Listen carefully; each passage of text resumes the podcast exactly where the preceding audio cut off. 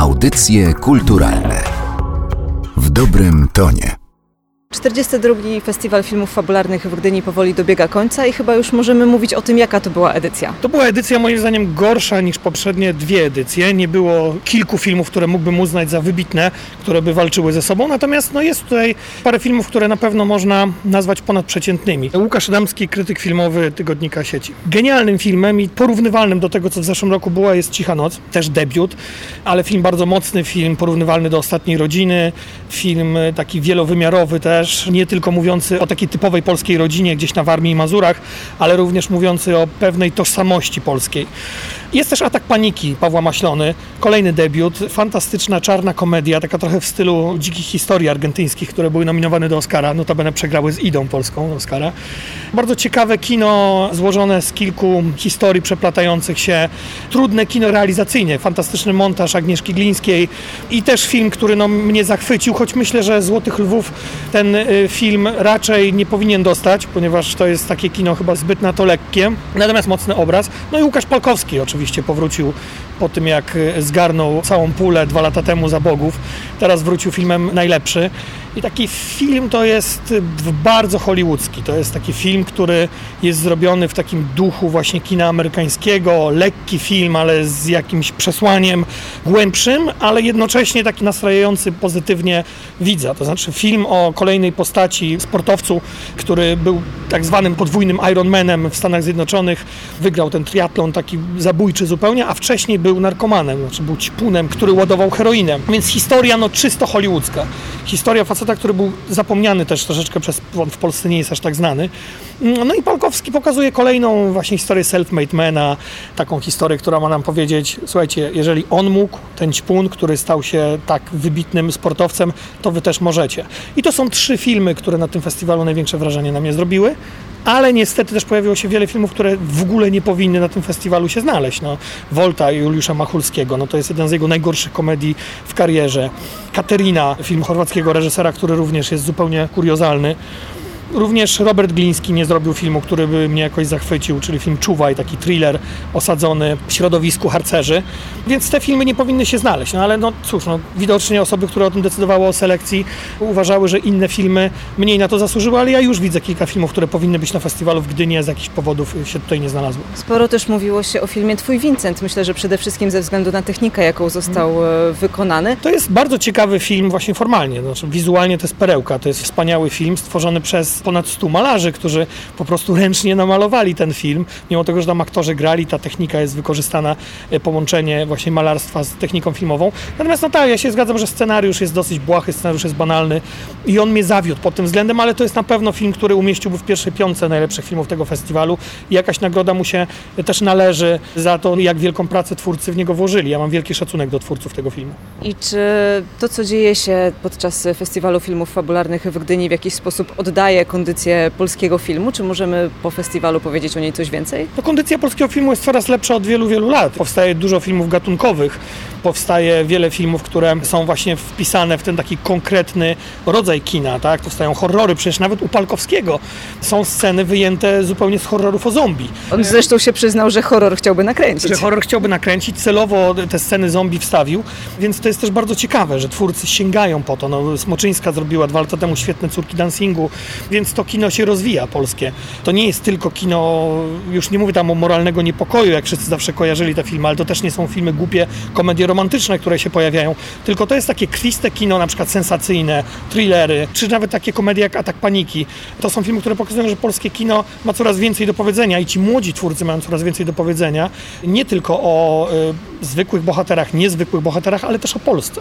Właśnie ta różnorodność też jest tym, co cechuje tę edycję festiwalu, bo zastanawiałam się, czy można by było jakoś określić, że Polacy teraz skupiają się na pewnych tematach, y, czy na pewnych formach, ale okazuje się, że nie, że jest pełny rozstrzał i w zasadzie o wszystkim te filmy się robi. No to prawda, to prawda i mnie to bardzo cieszy. Mnie to bardzo cieszy, że idąc na polski film do kina, mogę się spodziewać, e, e, mówiąc tak trochę masłem maślanym, czegoś, czego się nie spodziewałem. Tak? To znaczy, że pójdę na film i nagle powiem, wow, w filmie o bohaterze, o jakim zrobił właśnie Palkowski, czyli o Ćpunie, który stał się sportowcem wybitnym, zobaczę elementy horroru. Kiedy pójdę na taki film jak Atak Paniki, zobaczę mieszankę kina obyczajowego, mieszankę thrillera, bardzo czarnej komedii. Czy kiedy zobaczę Twojego Vincenta, no to zdam sobie sprawę, że nagle polscy twórcy, no to jest taki, nie, nie tylko, bo tam jeszcze Anglik jest współreżyserem tego filmu, ale również Polka, że zrobią coś, czego nie robili inni filmowcy w innych krajach. Więc polskie kino pod tym kątem oczywiście, że się rozwija, jest coraz lepsze. Ja bym pewnie też chciał jakieś tematy oglądać w tym kinie, które się nie pojawiają, może pewne wektory przestawione, ale no naprawdę to idzie w dobrym kierunku.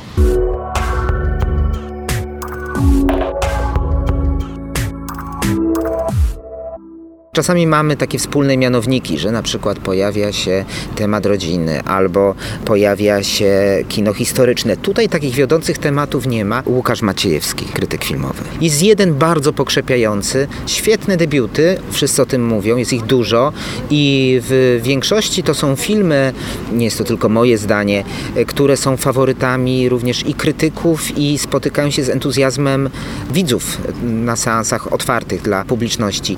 Tak mocnego, tak ciekawego i tak różnorodnego e, festiwalu, jeśli idzie o debiuty, no nie było od dawna i to jest bardzo pokrzepiające z prostego powodu, że te debiuty są jednak miernikiem tego, jak wygląda polska kinematografia, jaki jest e, rodzaj energii wśród reżyserów, e, wśród artystów związanych z filmem, bo jeżeli debiuty są udane, a filmy takie jak Atak Paniki, jak Cicha Noc, jak Wieża, Jasny Dzień, czy jak film Zgoda, no to y, cały festiwal jest udany.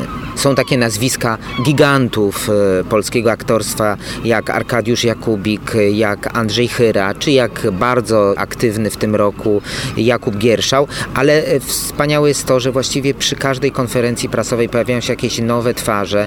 Film, o którym tutaj bardzo dyskutujemy, który bardzo nas dzieli, Wieża, Jasny Dzień, debiut, który powstał w Szkole Filmowej w Łodzi, w studiu filmowym Indeks, założonym niegdyś przez Wojciecha Jerzego Hasa. I dzięki pasji e, Mariusza Grzegorzka, obecnego rektora tej uczelni, młodej reżyserki Jagody Szelc, jeszcze studentki Szkoły Filmowej Wydziału Reżyserii.